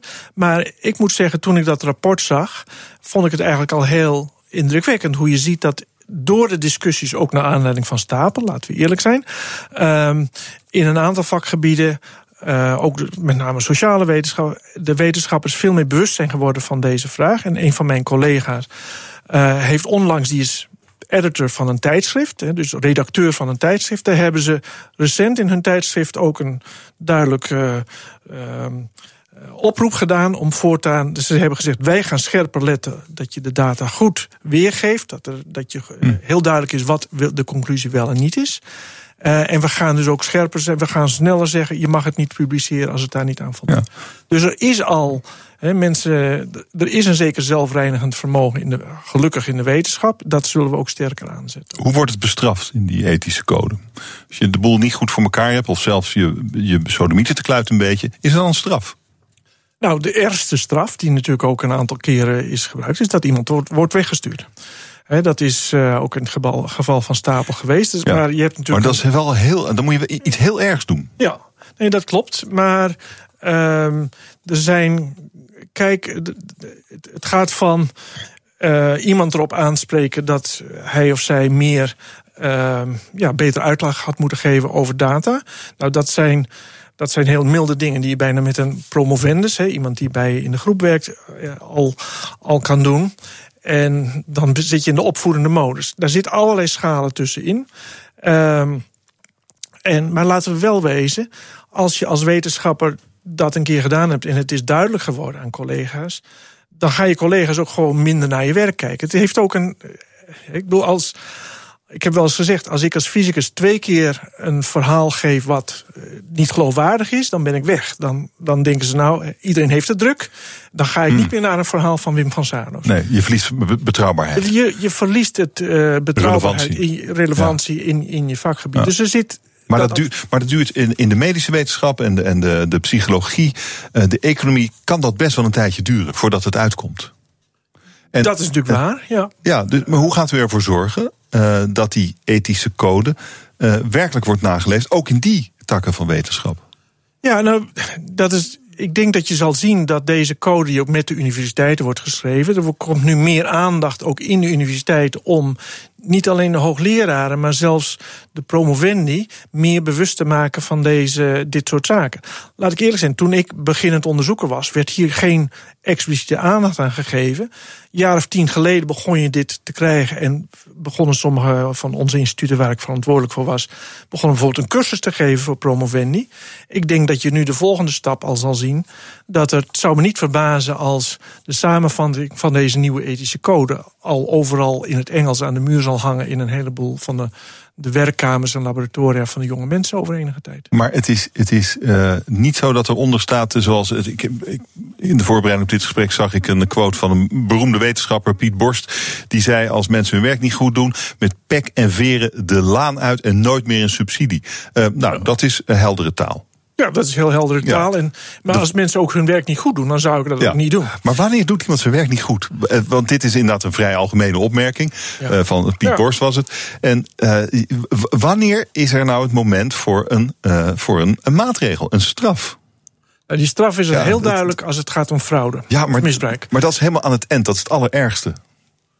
Ja, maar ja... Het... Een beetje rommelen. Wat, wat, vindt u dat er een straf, moet komen voor een beetje rommelen? Of vindt u dat dat geregeld moet worden met... ja, dan word je niet meer relevant. En, maar ondertussen zit je wel je salaris op te eten. Je zit uh, faciliteiten te gebruiken. Je bes, uh, beschaamt de wetenschap nog steeds meer. Het is toch heel kwalijk. Maar u, u, denkt vooral in termen van straf. Maar er zit natuurlijk een heel, heel, heel gebied tussen. Als iemand zit te rommelen... dan vind ik dat wij als wetenschappers... onze collega's daarop aan moeten spreken. En het is een behoorlijke straf voor een wetenschapper. U geeft een verhaal en ik sta op en ik zeg: wacht even, uw analyse deugt niet. En ja. je hebt hier. Nou, dan ga je toch door de grond als wetenschapper. En dan heb je. Hmm. Dan, dan nogmaals zeg ik, dat moet je niet te vaak doen, want dan ben je weg. Ook, vergeet niet wat Piet Bos zegt eh, met pek en veren ga je de deur uit. Geen subsidies meer. Die subsidies worden beoordeeld door andere wetenschappers. De subsidie aanvragen. Dus dat effect zit er wel al ingebouwd. Maar niet zozeer in termen. Of, dan is de straf misschien een beetje indirect. Maar uh, je, je, vaart toch continu op je standing en, en hoe je het echt doet. Uh, u bent al uh, alweer uh, twee dagen president van de KNW. heeft u al iets veranderd? Nee, dat moet ik eh, zeggen nog niet. Wat gaat u nou, doen dan? Ah, eh, nou, dan ga ik een volgende grap toch maar maken. We hebben het uh, zoen- en kusbeleid van José, dat zullen we veranderen. Want José kuste altijd iedereen aan het begin van de vergadering. En daar gaan we misschien toch even een iets ander accent weer aan geven. Dan moeten we even een iets ander accent aan het kusbeleid. Nou. Meer kussen, minder kussen, geen nou. kussen. Nou, minder kussen, laten we het daarop Dank u wel voor dit gesprek. Wim van Saarloos, de kerstverse president van de KNW. Dank u wel. BNR Nieuwsradio. Hemmen. Roelof Hemmen. Het was voor het gerechtshof in 2012 niet mogelijk om de moordenaar van Anne Faber TBS op te leggen voor eerdere verkrachtingen. Dat zegt president Fred van der Winkel in een uitzonderlijke toelichting in de Volkskrant. Bespreek het in. In de kantine. De kantine. Daar komt met vandaag Arjan Korteweg, politiek verslaggever bij de Volkskrant. En Margriet Sitskoorn is hier. Zij is hoogleraar klinische neuropsychologie aan de Tilburg University. Welkom, mooi dat jullie er zijn. Goedemiddag. Uh, dat hartverscheurende verhaal, Arjan, in uh, jouw krant, de Volkskrant, van de, de vader van Anne Faber. Uh, man is zo boos over wat er met zijn dochter is gebeurd door die Michael P. die eerder twee verkrachtingen had gepleegd. En dat zit hem heel erg dwars. Daarvoor geen TBS heeft opgelegd gekregen. Uh, door een rechter destijds die in het openbaar heeft gezegd dat hij niet geloofde in TBS. En die vader van Anne Faber neemt die rechter dat nu enorm kwalijk. En hij vindt dat hij ook moet opstappen uit het Openbaar Ministerie waar hij nu werkt hartverscheurend verhaal. Uh, en nu wordt erop gereageerd door de, uh, de, de, president van het gerechtshof, dat destijds die, uh, die uitspraak heeft gedaan. En die zegt: ja, het was nu eenmaal zo. En hij legt het uit waarom het zo gebeurd is. Dat is heel bijzonder. Hè? Het is bijzonder dat hij het uitlegt. Al zegt hij, geloof ik, in zijn uitleg ook weer niet heel veel nieuws. Hè? Dat je geen dwang kan opleggen, geen dwangopname kan opleggen als als uh, de verdachte dat niet wil. Ja. Dus, uh, dus dat is niet heel veel nieuws. En ik had eigenlijk gedacht dat er nog wat meer empathie van de kant van, uh, van, van zo'n uh, president van een rechtbank zou komen. Dus wat hij denk ik toch eigenlijk had moeten zeggen: van er zijn in die hele keten, in de, in de rechtsketen, zijn fouten gemaakt. Aanwijsbare fouten. Dit had natuurlijk nooit mogen gebeuren. Als het systeem helemaal waterdicht was, kan niet waterdicht zijn, maar je wil het zo waterdicht mogelijk hebben. Dan uh, had dit niet gebeurd. Ergens is er iets misgegaan. Waar is er dan wat misgegaan? En ik, ik had eigenlijk nog wat meer zelfonderzoek uh, en, en, en zelfreflectie van hem uh, verwacht, hm. moet ik eerlijk zeggen. Oké, okay, nou, maar uh, hij is wel uit zijn uh, comfortzone gekomen. Want normaal gesproken hoor je nooit een rechter over nou een ja, maar, maar goed, hè, die rechter die, uh, waar de vader van Anne Faber zijn voeden opricht... Die, die, die hebben we nog niet gehoord. Die hebben we nog niet gehoord. En dat is de man die er altijd voor gepleit heeft. Je moet als rechter veel meer mogelijkheden hebben om je vonnis toe te lichten. En daarover ook in gesprek gaan met de samenleving. Hmm. Dus dat hij die stap maakt zit in de lijn van die andere rechter. En uh, dat lijkt me op zich een gezonde ontwikkeling, ja. Maar is het, uh, uh, Margriet, is het gezond dat um, de vader van een slachtoffer de rechter in een eerdere zaak tegen die dader ter verantwoording roept? Is, is dat, moeten we dat willen? Is dat goed of is dat slecht? Wat denk jij? Nou, het is zeker gezond voor de vader. Uh, er is natuurlijk iets vreselijks gebeurd, wat ook niet uh, meer ongedaan kan worden. En uh, het is heel goed voor mensen die slachtoffer van iets zijn, om dat beter te leren begrijpen. En dat daar woede hmm. over is, is natuurlijk heel logisch. En nou ja, ik vind de brief die hij heeft geschreven, is nou niet eens zo doorspekt met alles. Dus dat vind ik eigenlijk nog wel ja, heel goed gedaan. Van de vader, de brief van ja, vandaag. Inderdaad. En waar het natuurlijk om gaat, is ehm, dat dit uh, niet herhaald kan worden. Dat is natuurlijk voor slachtoffers heel erg belangrijk. En dat geeft ook zin aan enigszins, hoewel het natuurlijk altijd zinloos blijft voor ouders, maar uh, aan wat daar gebeurd is. Dus, maar is dit dan vooral therapeutisch van belang voor de vader van het slachtoffer? Nou, ik vind is het niet alleen therapeutisch. Maar zou die rechter, zou, vind jij dat die rechter, die oorspronkelijke rechter, zich moet ver, verantwoorden in een gesprek met die vader? Nou, zo zit onze rechtspraak niet nee, in elkaar. totaal niet. dus maar zou, maar zou het uh, moeten? niet. Um, nee, kan, ik toch? vind niet dat het per se zou moeten. Want uh, ik denk oh. dat die gevoelens, als er iets besloten wordt waar jij totaal niet mee eens bent, en dit is een understatement van de zaak die hier is natuurlijk, dan zul je altijd met de ander willen praten. En uh, het hoort net een beetje bij die functie dat jij beslist. En zo is het. Wat ik wel heel erg goed vind, dat als er inderdaad uh, tekenen zijn van hier zijn dingen niet goed gegaan, daar moet serieus naar gekeken worden. En enige mate van zelfreflectie, of die nou openbaar is of niet, is hier natuurlijk uh, zeker op zijn plaats. Hmm. Wat vind jij, Arjan? Moet de rechter toch meer uit die ivoren toren komen? Ja, het, Eigenlijk wel, hè? Die rechter die dat eerder, eerdere vonnis heeft uitgesproken, die heeft daar zelf voor gepleit. Ja, dus die moet het nu eigenlijk ook gewoon doen. Maar het mag, toch, hij mag het eigenlijk hij, niet, denk hij ik. Hij mag het niet doen. Het zou me verbazen als hij niet voor deze uh, uh, affaire, omdat die ook zo groot, zo sterk een publieke zaak is geworden, als die daarvoor dispensatie kan krijgen. Het lijkt me heel belangrijk voor de, voor, gewoon voor de geloofwaardigheid van de rechtsgang in Nederland. De, je ziet een verschuiving van, uh, waarbij slachtoffers steeds belangrijker worden in, uh, mm-hmm. in de rechtsgang. Steeds meer kans krijgen om in de rechts, tijdens, de rechts, tijdens de behandeling uh, te spreken. in die hele tendens past dan uiteindelijk ook dat rechters wat meer publieke verantwoording afleggen, denk ik. Mm. Hmm, maar ja, dan, uh, dan wordt het toch een stuk minder aantrekkelijk om rechter te zijn. Ik denk dat. Als je eh, om de haverklap kunt worden, eh, eh, te- ter verantwoording kunt Nou, worden ik denk. Dat dat niet eens het meest bezwaarlijke is. Ik denk dat het niet zo dat wij er wel naartoe moeten dat je dat zelfreflectie een groot goed is en dat nagaan dat de stappen die jij hebt genomen of Hmm. dat goed gegaan is. Daar hoort natuurlijk ook bij dat als er iets fout is gegaan, eh, dat dat ook soms aanvaard moet worden. Hè? Eh, eh, vroeger bij de frietboeren bij mij in de buurt hing, hing een bordje: wie geen fouten maakt, maakt meestal niets. En dat is natuurlijk ook zo. Dat was een wijze vriend. Nee, maar ik bedoel, dat is wel een serieus iets. We kunnen niet naar een samenleving, en dat is ook een tendens die we zien, waar het is alsof je nooit een fout mag maken. Dat kan niet. Dat kan je van tevoren al beseffen dat dat niet gaat. En, en, en die situatie van rechters eh, die, die boven de wet staan, of die buiten de wet staan, zelfs niet ter discussie staan, die is toch al heel snel aan het veranderen. Dat zie je in, dat- in het wrakingsproces van, eh, van Wilders. De Mhm. eerste dag van, van eh, de, rechts, de rechtszaak eh wraakt hij de rechters. De volgende dag zijn ze weg. En dan vraag je je toch af.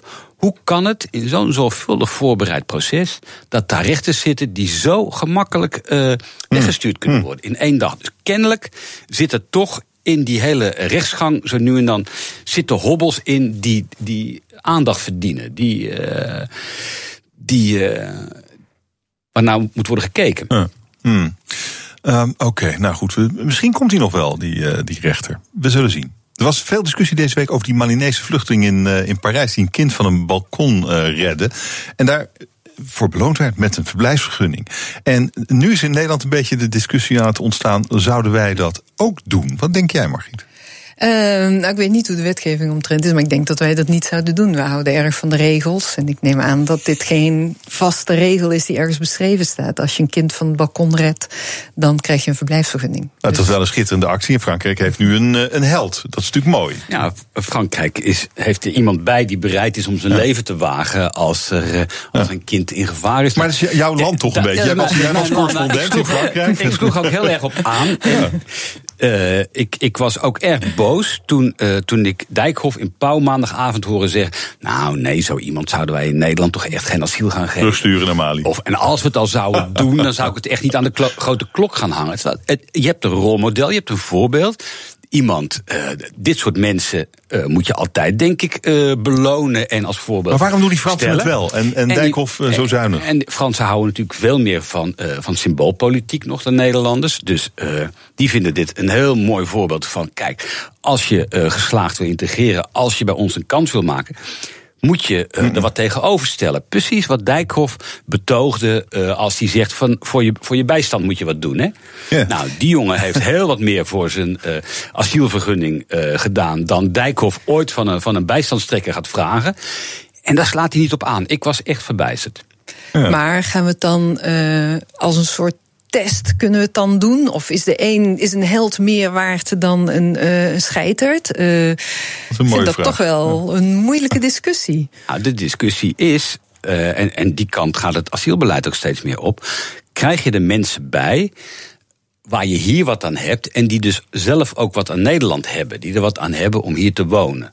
Nou, eh, mensen die, die, die, die dit soort dingen doen, eh, heb je wat aan de samenleving. Daar ben ik het helemaal mee eens. Maar eh, als je nou actief daar dus naar op zoek gaat om je bijdrage te leveren, dan wordt het toch een beetje moeilijk.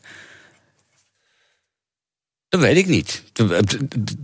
Dat is het pleidooi wat vaak wordt gedaan. Hè, van eh, ehm, asielzoekers die zeggen van nou. Ik zie eh, dat, dat de fietsenmaker tegenover me eh, het vaak veel te druk heeft... en dat het een week duurt voordat de fietsen klaar zijn. Ik ga hem een handje helpen. Nou, die zal ongetwijfeld zijn kansen vergroten, ja, om hier, eh, hier in te burgeren. Dit is nieuws wat net binnenkomt. Hans Alders stapt op, coördinator Groningen. Daar gaan we zo meteen over doorpraten in de kantine. BNR Nieuwsradio. Hemmen. Je luistert naar de kantine. We hebben het over het nieuws van de dag. Daar gaat Jurgen Ruijman straks ook doen. Waar gaat het over, Jurgen? Over het zogenaamde pensioenakkoord dat er eh, nu moet klaarleggen. Eh, Werkgevers en werknemers zijn het eh, eens geworden. Volgens de Telegraaf over het nieuwe pensioenakkoord dat moet komen.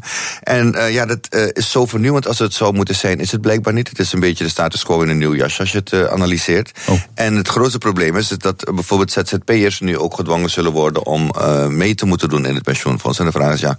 Wie gaat dat controleren? Welke ZZP'ers? Is, het- is het ook de, de studenten die telefoonhoesjes verkopen voor zijn medestudenten? Is het die huismoeder met haar eigen webshop die ook mee moet gaan in het pensioenfonds? Maar dit, dit gaat over de vraag: moet het pensioen eh, in eh, 2021 naar 67 of in 2025? Dit is En ook dat een van de eh, advies vragen. gaat nu over eh, dat het inderdaad later eh, naar Ze willen 67 vertraging, een moet. vertraging van zeg maar, het opkrikken van de, van, van de leeftijd willen ze Mhm. gaan vertragen. Dat moet eh, nu in, ja, je zei het, van 20 zoveel moet het pas 2025 voor mij moet het pas Mhm. naar 67.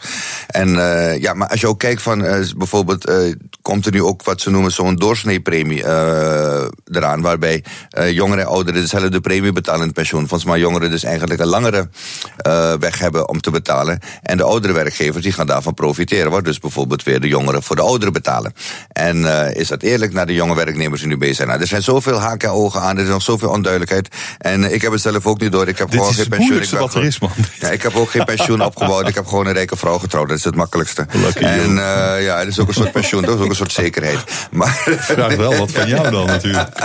nee, dat is niet waar. Wel natuurlijk. premie blijven betalen. Nee, nee, nee, nee, nee, nee. Ik ben, nee, maar natuurlijk, weet je, maar ik ben zelf ook ZZP'er en ik, ik ben zelf bezig met mijn pensioen opbouwen. Ik bedoel, wie gaat nou voor mij bepalen hoeveel ik aan de kant moet zetten voor een pensioen en wat het later moet worden? Ik bedoel, ik heb fluctuerende inkomsten zoals elke andere ZZP'er.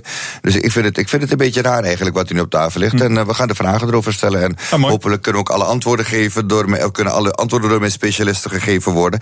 En eh, het leuke is, we hebben ook even Martin van Rooyen van 50PLUS aan de lijn. Maar ik ben benieuwd wat 50PLUS ervan vindt. Want die hebben Over Martin financiële zaken is het daar vaak een beetje problematisch. Problematisch, ja, maar maar van Rooyen, Marten van Rooyen, die heeft daar een hele goede mening over. Die gaan we ook, die hebben we ook even aan de lijn. Maar je kan al je vragen stellen via Twitter, eh, BNR, via Facebook. Je mag me natuurlijk WhatsAppen, het nummer staat op bnr.nl. Of je kan even een mailtje sturen naar askme.bnr.nl. Maar Roelof, je weet het zelf. Bellen. De beller is sneller, 020 468 keer 0 En stel je vraag live in de uitzending. Jurgen, dankjewel. Zometeen Ask. Me Anything vanaf twee uur. We praten verder in de kantine vandaag met eh, Margriet Sitskoorn. Zij is hoogleraar klinische neuropsychologie in Tilburg. En Arjan Korteweg is hier politiek verslaggever voor de Volkskrant. Ja, die pensioenen. Is dit nou echt, eh, Arjan, zo'n enorme grote doorbraak... als dat echt een plan blijkt te zijn? Die vier jaar verschil? Ik moet het nog wel zien of dit plan inderdaad eh, het, gaat houden. Want het is, het is uitgelekt, het wordt aan alle kanten ontkend. hè. Het ministerie Sociale Zaken ontkent het. Afstappen van die pensioengerechte leeftijd van zes- 67 jaar zou toch echt een behoorlijke breuk zijn met alles wat de politiek er tot, nu toe over besloten heeft. Je stapt ook buiten de Europese. eh, eh, het is toch een beetje een Europese norm geworden, die 67 jaar. Daar stap je uit. Eh, de, de andere kant daarvan is eh, uitzonderingen maken voor zware beroepen, voor handwerk. Da- daar wordt al langer over gesproken. En dat lijkt me reëler, dat, dat het die kant op gaat. Maar die afstappen van 67 jaar, ik ben enorm benieuwd of dat het gaat worden. We gaan zien of dat echt een eh, feit is. Ehm, Hans Alders eh, stapt op dus als nationaal coördinator Groningen. Hij was de afgelopen drie jaar verantwoordelijk. Hij voerde de regie over de schadeafhandeling in het Groningse aardbevingsgebied. Nou gaat hij weg. En het eerste bericht spreekt van onvrede eh, over iets. We weten niet wat. Wat zou dat kunnen zijn? Wat denken jullie? Nou ja, hoe de hele zaak loopt. dat loopt niet heel soepel natuurlijk. Het loopt Dus, helemaal niet soepel, maar is dat zijn schuld? nou, dat weten we niet. Nee, dat is of hij dat zo ziet vraag. of dat hij iets anders eh, voor ogen had, dat denk ik zeker. Ah, wat denk jij, Arjan? Nou, de, de regie is natuurlijk wel ergens anders komen liggen. De, de afgelopen eh, weken. Dus Den Haag heeft meer de regie naar zich toegetrokken. De, dat Wiebes op een gegeven moment gezegd heeft. Eh, Groningen moet Groningen blijven. Hè, dat was het mantra wat hij herhaalde. Dus daar ligt de prioriteit. Eh, dat heeft ervoor gezorgd, denk ik, dat de rol van Alders ook wel anders is geworden daar. Eh, hij moest daar een beetje zitten als schakel tussen Groningers en, en Rijk en NAM. En, eh, en nu li- liggen die verhoudingen tussen die Eh, de- drie partijen. Het ging om hem heen eigenlijk. Dat Ja. is dan zijn onvrede. ja, daar denk ik dat. Daar moet zijn onvrede gezeten hebben. En verder is het, ja, het is de regio van de niet, onvrede ja. op het moment. Ehm, gisteravond eh, zagen wij minister Blok in New York bij de Verenigde Naties een betoog houden om de Russen mee te laten werken aan dat MH17-onderzoek. Het klonk zo. When it comes to establishing truth and accountability for what happened to MH17, no state has the right to remain silent. Quite the contrary, it has a duty to cooperate constructively, to shed light on the truth, not to obscure it with continuous mist. And I call on the Russian Federation to take its responsibility. Margriet, wat vond jij ervan? Stef Nou, Blok hier. Ja, ik vond dat wel een goed optreden. Ik, Waarom eh, was het goed? Het is een goed optreden omdat hij eh, het heeft over allerlei menselijke waarden die wel heel erg belangrijk zijn. Als er iets gebeurt en er gaat iets fout, eh, iets ernstigs fout, dan is het toch de bedoeling dat we daar met z'n allen naar kijken en uit proberen te komen. En als zo'n belangrijke partij als Rusland in dit geheel, eh, ja, die moet daar aan meewerken.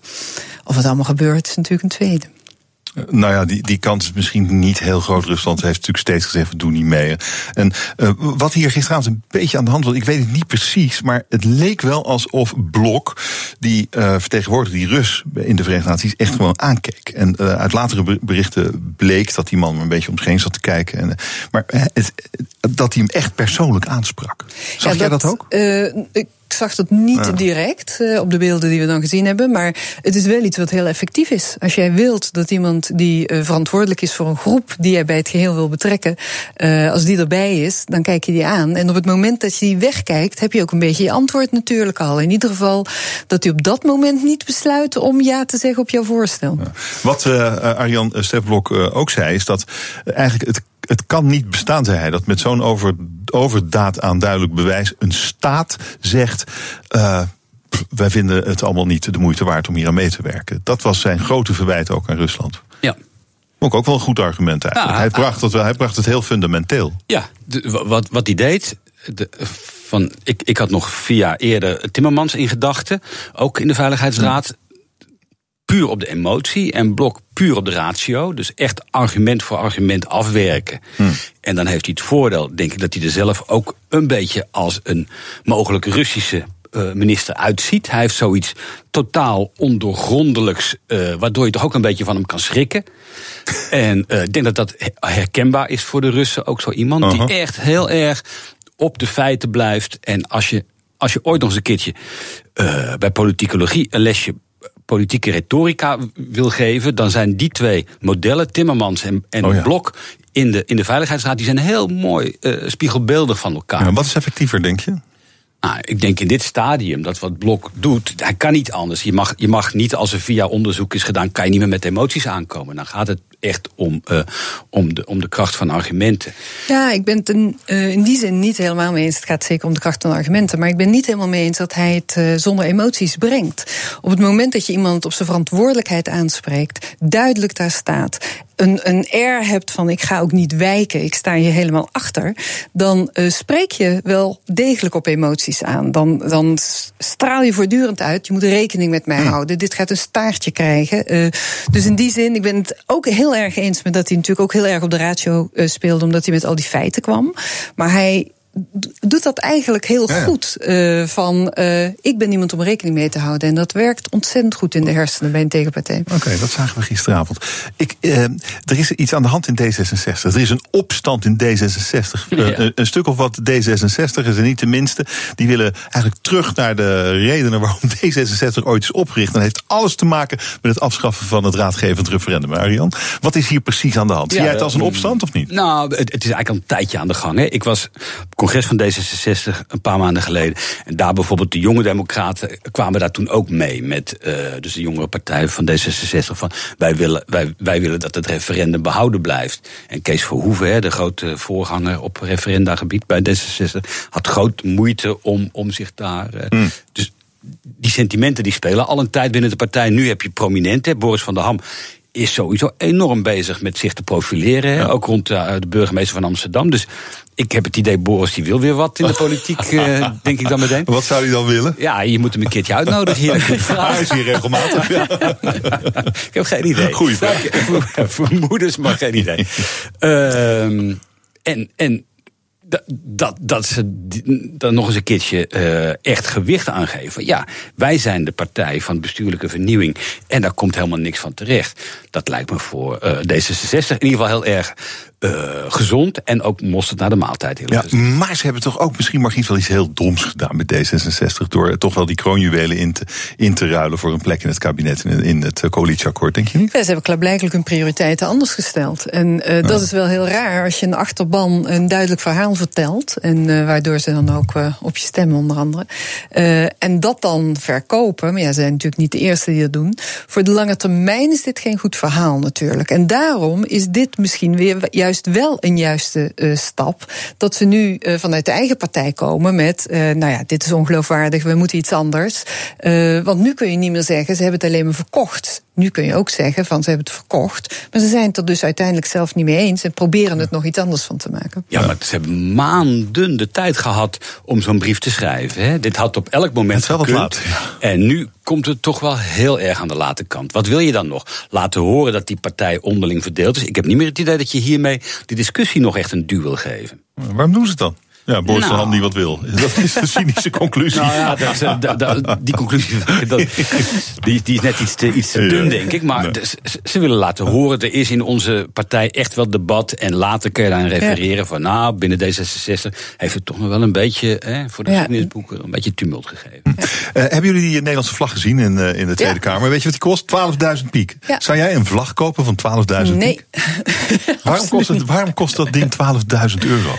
Nou ja, um, ik vind hem wel mooier dan de vorige. Ik vind hem ook mooier ik, dan de vorige. Ik, ik, ik, kwam er gisteren achter. Hè. Ik belde met de Tweede Kamer. En heb het op Twitter gezet. Ik heb nog nooit zoveel retweets gehad. En tot, tot op dit moment gaat het maar door. Mensen die zich enorm opwinden over die 12.000 euro. Vinden het echt... Uh, ja, je kan ze voor 3,95 bij de blokken kopen. En, die ze hebben heel lang over de kleuren moeten nadenken zeker. En echt een na het andere. Ik kan nog een wimpel erbij leveren voor 20.000 euro. Nou, uh, de creativiteit die sloeg toe. Maar het, het zit hem in die architect, denk ik. de kosten zitten niet in het materiaal. Nee. Maar als je er echt een dure architect bij gaat halen... die precies gaat kijken wat past er in dit gebouw. Ja, dan... En welk uh, stof valt het nou ja, beste enzovoort. Ja, ja maar ik, ik zeg altijd, ik, vind interessanter dan wat die gekost heeft... waarom moeten wij zo nodig een vlag in het parlement? We hebben het 200 jaar zonder vlag gedaan. Dat ging prima. En wat zegt het dat wij nu een vlag willen? Wat zegt dat nou Dat over Nederland? punt, Wat denk Nou, we zijn in een identiteitscrisis als land. Dus we hebben zoiets als dit nodig om, uh, of politici vinden dat we zoiets als dit nodig hebben om te laten zien van ja, het kan wel zijn dat er uh, allerlei verschillende gedachten en meningen zijn, maar we hebben echt ook symbolen die ons bij elkaar houden. En het is belangrijk om die te benadrukken. Dat, dat is de angst van het uit elkaar vallen is vertaald in die vlag, denk ik. En daarom mag die misschien wel 12.000 piek kosten. Als het dat wel. effect heeft. eh, Ik ga de kantine sluiten. Fijn dat jullie er waren. Arjan Korteweg, politiek verslaggever, de Volkskrant en Margriet Sitskoorn. Zij is hoogleraar klinische neuropsychologie in Tilburg. Dank jullie wel. Dit was het voor vandaag. Morgen ben ik er weer. Dan is Manon van Beek mijn gast. September wordt ze bestuursvoorzitter van netbeheerder Tennet. En daar gaan we het morgen over hebben. Nu Jurgen Rijman met Ask Me Anything. Dag.